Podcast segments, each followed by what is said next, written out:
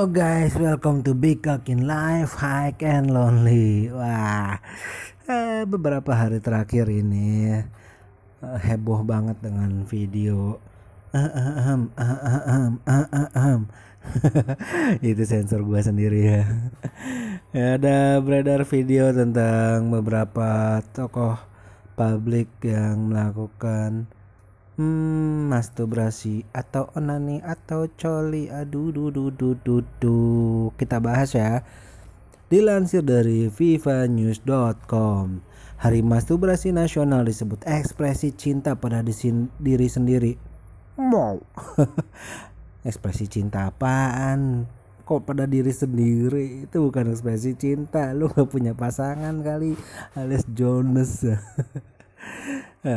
Dalam budaya timur masturbasi masih dianggap tabu untuk diperbincangkan dan kerap dikaitkan dengan perilaku maupun kondisi psikologis seseorang. Maka tak heran ketika video masturbasi yang diduga dilakukan atlet dan artis Indonesia tersebar luas di dunia maya. Publik serta merta menjadikannya topik perbincangan hangat. Bukan ngomongin si topik ya. Namun perspektif tentang masturbasi dari sudut pandang budaya timur bisa sangat berbeda dengan di negara-negara barat. Aktivitas melakukan sentuhan terhadap diri sendiri untuk mencapai kenikmatan seksual atau orgasme tersebut dianggap masih legal. Misalnya Amerika Serikat dan Inggris. Udah dianggap legal bro. Tapi kayaknya di Indonesia juga nggak ada larangan kamu nggak boleh onani, kamu nggak boleh masturbasi, nggak ada tuh. Hmm, mungkin kalau emang nggak dilakukan di depan umum, legal-legal aja kali ya. Mengutip dari Wikipedia di negeri Paman Sam terdapat Hari Masturbasi Nasional atau National Masturbation Day yang diperingati tiap tanggal 28 Mei sementara di Inggris dan Australia disebut dinamakan Wanker Days yang dirayakan sebagai bentuk ekspresi terhadap cinta pada diri sendiri karena jomblo. Bahkan sebagian orang ada yang memperingatikannya bukan sebagai hari saja, melainkan bulan. Jadi sepanjang bulan Mei itu disebut bulan masturbasi nasional. Laporan Las Vegas Weekly pernah mengangkat tentang asal mula hari masturbasi nas- nasional yang dipublikasikan pada 11 Mei 2011. Sejarah Hari Masturbasi Nasional dicetuskan untuk melindungi dan merayakan hak untuk bermasturbasi. Hari Masturbasi Nasional pertama diperingati pada tanggal 7 Mei 1995 setelah toko alat seks Good Vibration menyatakan bahwa hari itu adalah untuk menghormati dokter bedah umum. Dr. Joy Celine Elders yang dipecat Presiden Bill Clinton pada tahun 1994 karena menyarankan masturbasi menjadi bagian dari kurikulum pendidikan seks untuk siswa. Eh, mungkin gini kali perbincangannya. Eh, Bill, gimana kalau kita jadikan eh, masturbasi itu kurikulum seks? Oke, you're fired. Eh, gitu kali ya. Singkatnya dari peristiwa itu kemudian bergulir kampanye sosial yang berbicara tentang masturbasi dan manfaatnya. Kemudian berkembang menjadi ajang promosi yang cukup menggiurkan untuk memasarkan vibrator, pendidikan seks dan pornografi yang merupakan bagian dari kehidupan seks yang sehat dan bahagia. Meski budaya barat secara terbuka menerima masturbasi dan melegalkannya namun pada perjalanannya sendiri masturbasi diwarnai dengan stigma negatif, rasa malu dan kesalahpahaman. Beberapa mengaitkannya dengan rumor penyebab kebutaan dan infertilitas. Namun penelitian sebagaimana disebut di dalam halaman Science Alert tidak menemukan buktinya. Ada juga beberapa artikel salah satunya ini dari Detik Health pada tahun berapa nih saya lupa tentang masturbasi bisa cegah kanker prostat harus percaya atau tidak. Jadi namanya peneliti, ada yang pro dan kontra. Ya kayak quick count lah pro dan kontra. Yang jelas kalau peneliti tuh nggak semua orang setuju, pasti ada aja yang, yang tidak setuju. Kalau yang dulu-dulu nganggap masturbasi itu banyak eh, yang tidak manfaatnya atau unfaedah, tapi ini ada juga peneliti yang bilang masturbasi bermanfaat kok. Itu bisa mencegah kanker prostat. Di sini kita akan menjabarkan tentang apa sih manfaat masturbasi apa benar bisa mencegah kanker prostat. Percaya atau enggak? Oke mengaitkan masturbasi dengan penurunan risiko kanker prostat tapi sebaiknya kesimpulan tersebut tidak ditelan mentah-mentah karena ada sejumlah catatan di balik semuanya itu.